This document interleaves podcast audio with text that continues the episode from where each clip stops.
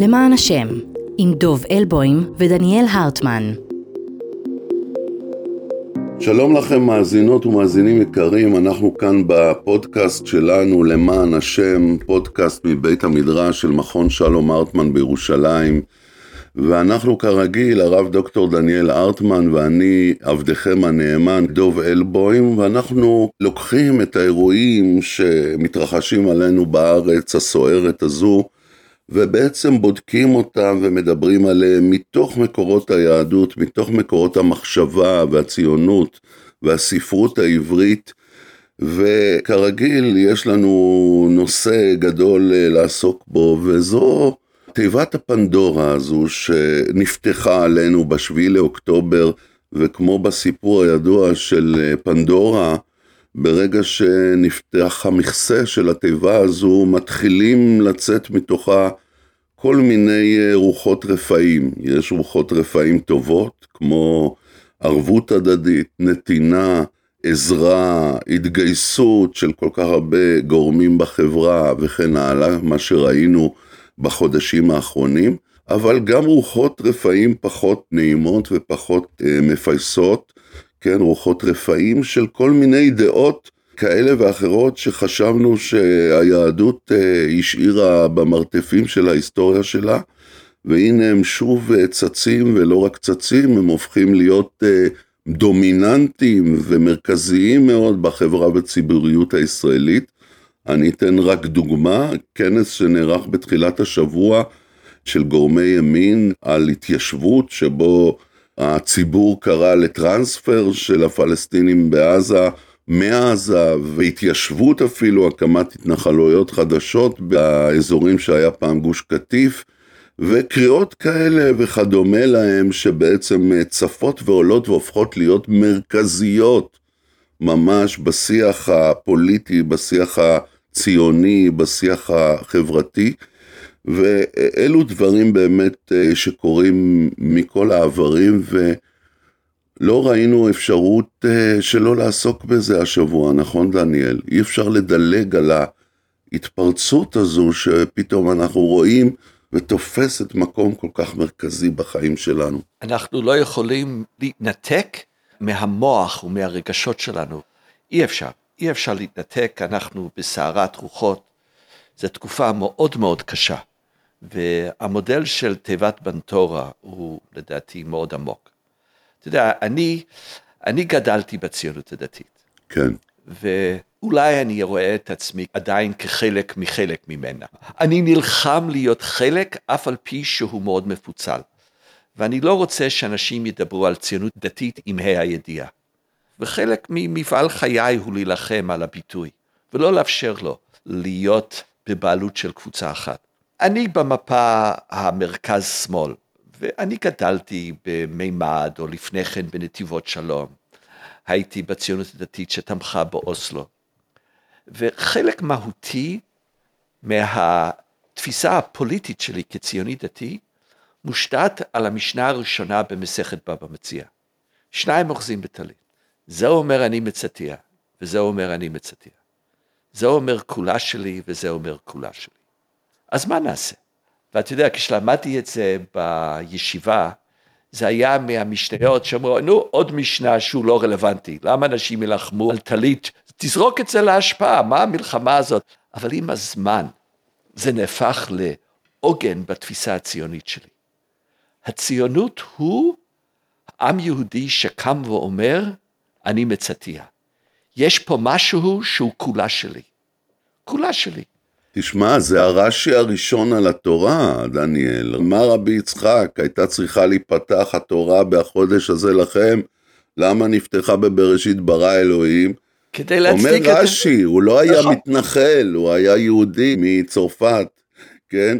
הוא אמר, זה כי כולה שלנו, אם יאמרו הגויים, הארץ שלנו, לא, אתם תגידו, זה של הקדוש ברוך הוא, והוא נתנה לנו. לקחה ממישהו אחר ונתנה לנו בדיוק. עכשיו, מה שמיוחד במשנה הזאת, הוא לא הוויכוח עם כולה שלי, אלא שאני מבין שאני במחלוקת עם מישהו שאומר גם כולה שלי.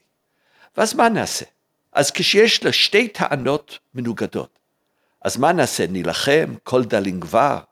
התוספתא אומרת שכל אחד יבוא ויחזיק בטלית עד איפה שידו אוחזת, ואז אני רואה אותם נלחמים כל מכות, הדרך. ל- כן, משיכת חבל כזו. כן, אבל ומה הגמרא, מה המשנה?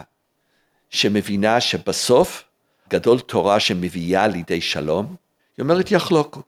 אני תמיד הרגשתי שזה לא שאני מערער על זכויותיי, אלא ציונות דתית, ליברלית, אמרה, יש פה שניים שאוחזים בטלית. ומה שהשתנה בתיבת הפנדורה של 7 לאוקטובר, הוא שיותר קל להגיד או להתעלם מהעובדה ששניים אוחזים בטלית. ברגע שזה חמאס, ואני חושב שזה גם היה חלק מהאג'נדה, מאוד נוח שכל הפלסטינים הם חמאס. מאוד נוח שכולם רוצים לרצוח אותנו, משום שכשאני אומר את זה, אין לי ויכוח עם מישהו, נשארתי רק עם הכולה שלי.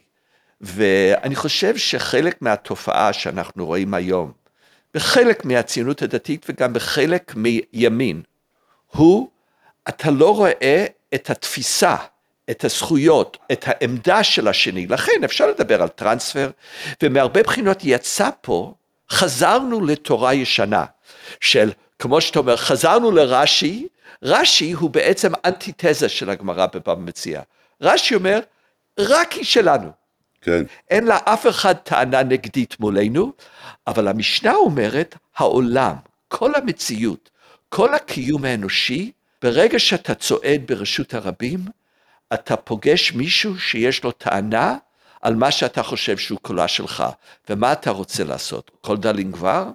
או שאתה רוצה לפנות לאופציות. עכשיו, אחרי עזה, אף אחד לא רואה אופציות, זה נכון, לא יודעים מה לעשות, ואז הכוחות האלו שיוצאות, כולה שלי, זה רק שלי, ולכן טרנספר ונחזור להתיישבות, זה סממן של ציונות דתית מאוד שורשית, אבל שקיוויתי שהתחלנו להשתחרר ממנו, והשביעי לאוקטובר זה דבר אחד להגיד, יש שם מישהו, יש שם עם, אני לא יודע איך לעשות שלום.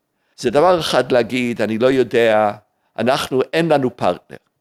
זה דבר אחר, בעצם להתחיל לחגוג כולה שלי, זה כבר סיפור אחר. איך זה פוגש אותך, דוב? תשמע, דניאל, אתה יודע מה אני חושב הבעיה שלך? סליחה שאני אומר דבר כזה. אני שוכב כדי שתעשה... אני חושב שהבעיה שלך שאתה אדם מאוד מאוד חושב, אתה מאוד מאוד רציונלי, המוח שלך עובד היטב, וזו הטעות שלך בעיניי לגבי מה שקורה פה בארץ. מה שקורה פה בארץ הוא לא קשור לשכל, הוא לא קשור לחשיבה, הוא קשור לרגשות עמוקים, קמאיים, שצפים פה מתחת לפני השטח. אני לא סתם התחלתי עם הדימוי הזה של תיבת פנדורה ורוחות רפאים שבעצם מתחילות לצאת משם ולמלא את חללו של עולם. אתה יודע, אני רוצה לספר לך סיפור. כשאני עזבתי את הישיבה החרדית שבה למדתי, היה לי איזה שנה הפסקה עד שהתגייסתי לצה"ל, וניצלתי את השנה הזו לעבוד כעיתונאי בעיתון כל העיר, היה אז עיתון מאוד מאוד חשוב ומכובד בירושלים, והמשימה שנתנו לי, בגלל שעוד הייתי קצת חצי רגל בעולם החרדי, המשימה שנתנו לי האורחים הייתה להיות אנדר קאבר, להיות סוכן סמוי של העיתון בתוך תנועת uh, כהנא, שאז אני מזכיר לך, זה היה לפני יותר משלושים שנה, הרב כהנא עוד היה חי, והם היו תנועה שולית קיצונית, שהיה להם איזה שני חדרונים בבניין בשוק מחנה יהודה בירושלים. זה, זה היה אז כל הסיפור. ואני נכנסתי שם, ואני לא אכנס לכל העלילות וכל ההרפתקאות שעברו אליי שם, תיארתי את זה בהרחבה אז בכתבה הגדולה שכתבתי לעיתון. מה שאני רוצה לספר לך, זה מה שגיליתי כשהייתי איתם ביחד, שישבתי צמוד, יד אל יד עם הרב כהנא, ועם עוד פעילים אחרים שהיום הם חלקם שרים וחברי כנסת מטעם עוצמה יהודית, בן גביר, שזו תנועה כהניסטית בעצם. מה שגיליתי, שהכוחות הפועלים שם הם בכלל לא כוחות של שכל, של חשיבה, ויש שם כוחות שהם לא רציונליים, יש סוגים שונים של אי-רציונליות. יש למשל את הכהניזם הטהור, זאת אומרת, שנאת ערבים. אתה יודע, אני זוכר לילות שהיינו חוזרים בטנדר מכל מיני כינוסים עם כהנא, והחבר'ה במכונית המסחרית שנסענו בה היו מתחרים ביניהם, איך הם היו מתעללים בערבי אם הם היו תופסים אותו והם לא היו חוששים מהמשטרה, איך בדיוק היו מענים אותו. זאת אומרת, הם נהנו מזה, היה בזה רגש קמאי, אטביסטי, חייתי כמעט. זה תפיסות של גזענות יהודית. עכשיו, זה לא השתנה בשלושים שנה האחרונות. מה שהשתנה זה שמדינת ישראל, במיוחד בשנה האחרונה, בעצם אפשרה לכוחות האלה, שאדם נורמלי, אדם הגיוני, אדם שחפץ חיים, סוגר אותם, גם אם יש לו רגשות כאלה, הוא סוגר אותם בתיבות פנדורה שלו. מה שקרה, שתיבת הפנדורה נפרצה לחלוטין, ורוחות הרפאים שעד עכשיו אכלסו את המרתפים שלנו, נמצאים היום במקומות הכי מרכזיים של מדינת ישראל, קרי מערכת המשטרה, מערכת הביטחון והממשלה כמובן. ויומיים אחרי שקיבלנו כזה כרטיס צהוב מבית המשפט הבינלאומי בהאג, הם לא אומרים אוקיי, עכשיו נדבר יותר בזהירות, עכשיו לא נגיד מילים כאלה וכאלה, זה יכול לסבך אותנו בהאג, לא.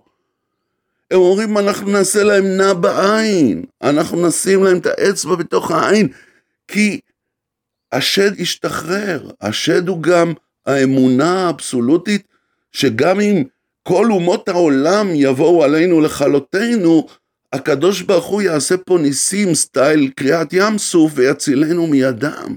כן, אני, אני לא... חושב, דניאל, אני, אני בדיכאון עמוק ממה שקרה פה בתחילת השבוע. אתה יודע למה אני בדיכאון? למה? כי ברגע שכוחות כאלה משתחררים, וראינו את זה בחורבן בית שני, הסיקריקים, ששורפים את האסמים, ו- והולכים נגד ההיגיון. טוב, יש לי הצעה. כן. אם תבוא לחלק מהעולם הרציונלי שלי, לא תהיה כל כך מדוכא. הבעיה היא שאתה חי בעולם של השדים האלו, לא רק פה, זה גם קבלה, זה, אתה נהנה מהעולם. אבל זה מה שמניע את מדינת ישראל, דניאל. האנשים האלה מקבלים את ההחלטות על הגורל שלך ושלי. נכון, תמיד. אידיאולוגיה, לפעמים היא משפיעה על הרגשות, אבל הרבה פעמים היא משקפת את העולם הרגשי הזה. זה נכון. כמו אחרי הפעולות נמשכות הלבבות, מה, מה בא קודם? אבל חלק מהתזוזה של כהניזם משתי חצאי חדר ליד מחנה יהודה למרכז, הוא בגלל שהשכילו לעשות המשגה. עכשיו, מה חלק מהציונות הדתית עשה? ודווקא המלחמה הוא בהמשגה, ואם יש מלחמת... תסביר לי, אני לא מבין כן, את זה. אם יש דיון אודות ההגות, יש סיכוי לנצח. תמיד הרגשות יבואו. כשהרגשות אבל מושתתות ומחוזקות על ידי אידיאולוגיה, זה מתחיל להיות הכי מסוכן. אז לדוגמה, בציונות הדתית, אני זוכר כשהייתי בנתיב מאיר, בשנות ה-70, אז התחילו לקום ההתנחלויות, הייתי תיכוניסט, וההתנחלויות קמו על גבם של בני עקיבא ותלמידי הישיבות התיכוניות, שהיו באות, ואני זוכר אז שהקימו את סן סבסטיה, וכל, ממש בהתחלה, מיד אחרי מלחמת יום הכיפורים. ואני זוכר ראש ישיבה שלנו, הרב אריה בינה, זיכרונו לברכה, צעק ואמר, תלמיד ישיבה לא קורא לו והוא בא, מה קראו לך, אתה בא, יש לך מה לעשות. הוא לא התחבר בכלל לכל השפה הזאת של ארץ ישראל, אבל הוא הפסיד. ואחר כך הייתי בישיבת הר עציון, ותמיד הייתי חלק מאותו תנועה בציונות הדתית, שלא ראתה בקדושת הארץ כמצווה הנעלה ביותר, וששמירת על, על קדושת הארץ והתנחלות בארץ כאידיאל המרכזי של הציונות. חלק ממנו, אבל היה לנו אידיאלים אחרים, עם ישראל, מוסר, ערכי אדם, דרך ארץ, דרכיה דרכי נועם וכל נתיבותיה שלום. בואו נדבר על פסוק ש, שהוא הוא מעניין, אבל מי מקשיב לו? אבל מה קרה? אחרי ההתנתקות מעזה, הציונות הדתית היותר ימנית הבינה שהיא הפסידה את העם. ההתנתקות מעזה ב-2005 היה ויכוח. מה יותר חשוב, ארץ ישראל או עם ישראל? התנחלות ואל... בשטחים או התנחלות בלבבות? כן, ככה דיברו על זה. נכון, וגם דיברנו על כך, לא רציתי שהילד שלי ימות בעזה ולשמור על כמה התנחלויות. אם אתם זוכרים, כל יום מתו חיילים. Mm-hmm. אף אחד לא רצה לשלוח את הבן שלו, ועם ישראל ניצח את ארץ ישראל. עכשיו, הציונות הדתית עשתה ריאורגניזציה של ההמשגות שלה. הם לא שינו את אידיאולוגיית ארץ ישראל, אבל הפסיקו לדבר על זה. Mm. הם לא דיברו יותר על ארץ ישראל השלמה, משום שהם הבינו שהם הפסידו. גם הימין, הרי גם ביבי נתניהו, לא לדבר על שרון ואולמרט, ביבי נתניהו צידד בהתנתקות ב-2005. הוא הרי היה לו את נאום בר אילן, נאום שתי המדינות. עוד, זה עוד יותר, אז הוא, הוא, הוא תופס בשתי הקצוות כל הזמן, אבל מה הם עשו? וזה מה שמתחיל להשתנות היום, ולכן אני, אני כן טוען שיש פה ויכוח קונספטואלי. הציונות הדתית הפסיקה לדבר על ארץ ישראל, אף על פי המשיכה להאמין בו, והתחילה לדבר, אנחנו השומרים האמיתיים על עם ישראל. אתה חושב שמחנה השלום ומחנה הפשרה הוא זה שאומר שניים אוחזים וטלית יחלוק, הוא שומר על עם ישראל. נוסח הרב עובדיה יוסף, זיכרונו לברכה, שאמר אפשר להחזיר שטחים בעד פיקוח נפש. הם אמרו דווקא החזרת שטחים זה, זה יוצר פיקוח נפש ולכן ביטחון הציונות הדתית התחילה לדבר בשפה של ביטחון. אני ביטחוניסט. אני ביטחוניסט. למה אני רוצה להחזיק ביהודה ושומרון? בגלל שאין פרטנר. לא בגלל שכל גרגיר הוא קדוש. אין פרטנר. ורק התיישבויות, התנחלויות גורמות לביטחון. מה שמשתנה עכשיו... יש בזה משהו. משפט, נכון, כן. עוד משפט אחרון, ומה שהשתנה כן. היום הוא, שוב, לאור בתחת המטריה של השביעי לאוקטובר, הצד שכנגד נעלם. כולנו מפחדים. וברגע הזה אפשר לעשות שילוב חדש בין ארץ ישראל לביטחון. וכשאתה מדבר על התיישבות בחזרה בעזה, אני קורא לזה הילולת בן גביר. אנחנו ראינו הילולת בן גביר, ממש, רקדו מסביבו, זה היה יום שמח. זה בעצם יום שבו חוזרים לשפה שהחבאנו. לכוונות המקוריות, מתחת לטקטיקה. הכוונה הוא לחזור ולתקן את הבושה, את החטא שוויתרנו על ארץ ישראל. ובדיוק כמו שאתה אמרת, כשאתה חוזר להאחז בארץ ישראל, אתה יודע מי נלחם איתך? בורא עולם. אה, ברור, זה נתון אה, מובהק של כל ההנחות האלה. ולכן אני מסכים איתך שיש פה איזושהי יצריות, אבל יש פה גם שינוי אידיאולוגי. שהולך ליצור הפרדה גם בתוך הימין. תשמע, זה הגיוני לדאוג על הביטחון. זה הגיוני לשאול מה אתה רוצה לי שיהיה בעזה מחר.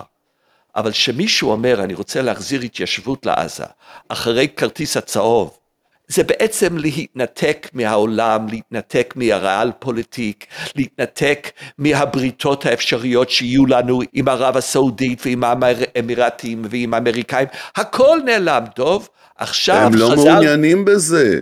חזרנו לא לנושא לא הכי אהוב עליך. מה? טוב, חזרנו למשיחיות הזאת. כן, ואני רוצה, אתה יודע מה, יש מכתב שנכתב לפני כמעט מאה שנים, של גדול חוקרי הקבלה בארץ, פרופסור גרשום שלום הידוע. והוא כתב, הוא היה בידידות גדולה עם הפילוסוף היהודי-גרמני ולטר בנימין, ובשנת 1926 הוא כותב לוולטר בנימין מכתב על התחיות השפה העברית. בתקופה של החייאת השפה העברית, ומאוד מתרגשים מזה, וגרשום שולם הוא היחיד שכתב על הסכנות שבתחיית השפה העברית, והוא כותב את השורות. באיזה שנה? 1926 אנחנו מדברים. וואו, וואו. והוא כותב ככה לוולטר בנימין, הוא מדבר על זה שכל אחד פה התחיל לדבר בשפה העברית. הוא אומר, אלוהים לא יוותר אילם בשפה שבה השביעו אותו אלפי פעמים לשוב ולחזור אל חיינו. המהפכה בשפה שקולו נשמע בתוכה שאין למנוע אותה, הרי זה הנושא היחיד שלא מדובר בו כאן בארץ. משום שמחדשי השפה העברית לא האמינו ביום הדין שאותו הועידו לנו במעשיהם. הלוואי וקלות הדעת שהנחתה אותנו לדרך האפוקליפטית הזאת לא תגרום לאובדננו. ובעיניי מה שהוא אומר בעצם, ברגע שהשפה פה נהייתה עברית, זאת אומרת, זה לא שפת קודש, זה לא שפת פולחן, זה השפה שבה אנחנו מדברים. ובשפה הזו מונחים כמו משיח, גאולה, ביטויים נוספים שיש בשפה, נגיד, של השמדת עמים, ולתתך עליון על כל גויי הארץ. עמלק. עמלק. בדיוק, עמלק זו דוגמה מעולה. כי מה קורה בשפה, וראינו את זה, הכנסת ביטוי עמלק מתוך המקורות לתוך השפה העברית העכשווית, קיבלת בעצם לכאורה אפשרות לרצח עם. ועל זה הוא דיבר, על הסכנות האלה, והוא אמר, לפני מאה שנה הוא אמר, זה הולך להתנקם בנו. אנחנו חושבים שהחייאת השפה העברית, אוקיי, אנחנו יוצאים מהגלות. אבל היציאה הזו מהגלות, יש לה מחירים אפוקליפטיים. עכשיו, אני רוצה לקחת אותך לרגע לאזור אחר, דניאל, לעולם החרדי שממנו באתי. אתה יודע, העולם החרדי תמיד ציטט את שלוש השבועות. שלוש השבועות, המדרש הידוע על שיר השירים, השבעתי אתכם אה, בנות ירושלים, אומר המדרש, יש שם שלוש שבועות שהשביע הקדוש ברוך הוא את אה, בני ישראל. ואחת מהם זה לא להתגרות בגויים, לא לקרב בכוח את הגאולה, לא לנסות לעשות צעדים קיצוניים שיגררו כאילו את הקודש ברוך הוא לבוא ולהתערב בתוך המציאות. ואני חושב שזה מאוד חכם. זאת אומרת, מה שקורה עכשיו, לא דיברנו על זה עוד, כי זה לא רק הילולת בן גביר, זה היה שם גולדקנופ, הנציג הבכיר של אגודת ישראל, האדמו"ר מגור, מי שבעצם נשאו את האידיאולוגיה הזו פעם ואמרו אסור להתגרות בגויים, ואסור להכניס אצבע בעין, ואסור לעשות דווקא, וצריך להיזהר, עם ישראל הוא ככבשה בין אה, זאבים טורפים, ולא צריך למשוך תשומת לב בכוונה, והנה, מה שנורא זה לא בבן גביר רק, זה שגולדקנופ ומלא חרדים בעצם הצטרפו למערכה הזו, וזה שינוי, שינוי ערכים של החברה החרדית, זה, לכן אני מיואש, כי זה לא רק בן גביר. התת מודע של החרדי שעד עכשיו הבין שיש דברים שלא צריך להוציא החוצה, גם אם אתה חושב אותם, נפרץ. אנה אנחנו באים? כוחות כל כך חזקים בחברה הישראלית בעצם שורפים לנו את האסמים. אנחנו, אתה ואני, מנהלים פה פודקאסטים על חברה משותפת, על אחדות, על ליצור שפה חדשה, וגורמים כל כך חזקים וכל כך רחבים בחברה, הולכים ועושים לנו בורות בתוך הספינה, חורים ענקיים. אז מה אנחנו עושים פה, דניאל? אני, לכן אני מיואש. אני מבין אותך. אבל בגלל שייאוש הוא אף פעם לא אופציה בשבילי. זה לא אז אני- תוכנית עבודה, אתה אומר. זה לא תוכנית עבודה שלי, אבל אני מבין אותו. הרי מה שקורה כאן הוא, ואתה הצבעת על הסכנה של החייאת המסורת שלנו במערכת מודרנית לאומית. כן. ובסוף, תשמע, הציונות ניצחה את החרדים, הם נהפכו לציונים. וראית את זה אתמול, כמו שאתה מצביע עליו. אבל אני חושב שהסיבה שאני לא מדוכא, אבל אני, אני מודע שיש לנו אתגר מאוד עמוק, הוא שמה שקרה, הציונות הדתית האידיאולוגית, שמדברת על ארץ ישראל, הימנית הזאת, של כולה שלי ורק כולה שלי, ושמתחברת לשפה משיחית, בסוף הוא בצד הקיצוני גם של הימין. והשאיפה הפוליטית והדתית שלי תמיד הייתה שציונות הדתית תהיה גשר. אני חושב שחלק מהציונות הדתית היום לא רוצה להיות גשר, היא רוצה להיות בראש מחנה אידיאולוגי שמוביל אנשים. וראית חלק מחברי הכנסת והשרים, גם החילונים מובלים על ידם. אבל אני נכון. חושב שהרוב בציבור הישראלי הוא בימין, מרכז ימין, מרכז שמאל וקצת בשמאל. הרוב הזה מחפש משהו אחר. וברוב הזה, לשיח של הציונות הדתית, של שניים אוחזים בטלית, שאלות של, כמו שאתה אומר, איך מסורת בת שלושת אלפים שנה מתחברת למציאות חדשה, אני חושב שרוב העם הם שם. זה נכון, יש לנו מתנגד אידיאולוגי, לא רק רגשי, אידיאולוגי עמוק, שמחובר, כמו שאתה אומר, לעמדות משיחיות. איפה יהיו החרדים? זה יהיה מאוד מעניין. דרעי הוא לא שם. הבעיה שלהם הוא חלק מהציבור שלהם, הם יותר ימניים. בדיוק. וכמו כל מנהיג טוב, הם אומרים, אני המנהיג, איפה העם, אני אלך בעקבותיהם. יש פה אתגר, לכן אני חושב צריך לשים את האידיאולוגיה על השולחן, ולהבין שאחרי השביעי לאוקטובר זה לא רק טראומה רגשית, יש פה אתגרים אינטלקטואליים, הגותיים, שאנחנו צריכים להתעורר ולהתחיל להילחם עליהם. אחרת, הכוחות האלו ישתלטו על הרגשות, הם כבר יש להם אידיאולוגיה. תשמע, יש ויכוח, מה לעשות עם עזה? אם מישהו יודע מה היום צריך לעשות בעזה מחר, שהוא יקום וידבר בוודאות. כל בן אדם שאני סומך עליו זה בן אדם שאומר, אני לא יודע, בוא נדבר, בוא נחשוב. אבל אני יכול לדעת מה אני לא יכול לעשות. אני יודע שאני לא רוצה להתנתק מהעולם. כולם מדברים על שבירת הקונספציה אחרי המלחמה. מה, אנחנו נלחמנו לבד? מה זה, הקדוש ברוך הוא הציל אותנו בעוצם ידו? אנחנו היינו מחוברים עם האמריקאים בחיבור עמוק. סימביוטי. היינו, היינו צריכים את הפצצות שלהם, היינו צריכים את הווטו שלהם. עכשיו שעולה משהו בהאג, אם ינסו לעשות סנקציות, על מי נסמוך? לשים מה איתך, דניאל? אתה לא סומך על הקדוש ברוך הוא, באמת. אני מתפלא על בעיות האמונה שלך. אתה יודע, אתה תמיד מתפלא בתור חרדי לשעבר, שהוא עדיין הרבה יותר דתי או אמוני ממני. אני, אתה יודע, אני, אה, אני תמיד דגלתי בגמרא במסכת עבודה זרה, של עולם כמנהגו נוהג, שזה חלק מהמציאות, ולדעתי ציונות דתית שפויה עדיין מאמינה בעולם כמנהגו נהג, ולכן צריך פתרונות לשתיים אוחזים בטלית, ולא השתלחות אידיאולוגית חדשה של כולה שלי. כן, אז אני מקווה באמת שהאידיאולוגיה והשכל אה, שוב יחזרו למחוזותינו, אם כי אני חושב שתיבת הפנדורה הזו נפרצה בצורה כל כך רחבה, שספק אם נצליח לסגור אותה בחזרה, ואולי הדרך ה... טובה ביותר זה לטפל בלא כחל וסרק בשדים האלה שיצאו החוצה, להסתכל עליהם לפחות, ל... לא להסיר את המבט, לא, לא לחשוב שאנחנו כמו פעם. לא להשלות את עצמנו, בדיוק. שהם לא פה. בדיוק. משום כשאתה משלה הם מתחזקים. לגמרי. זאת אומרת, להסתכל על המציאות נכוחה. אז בדברים האלה שהם לא שיא האופטימיות אה, כמובן, אבל אני מאוד אופטימי.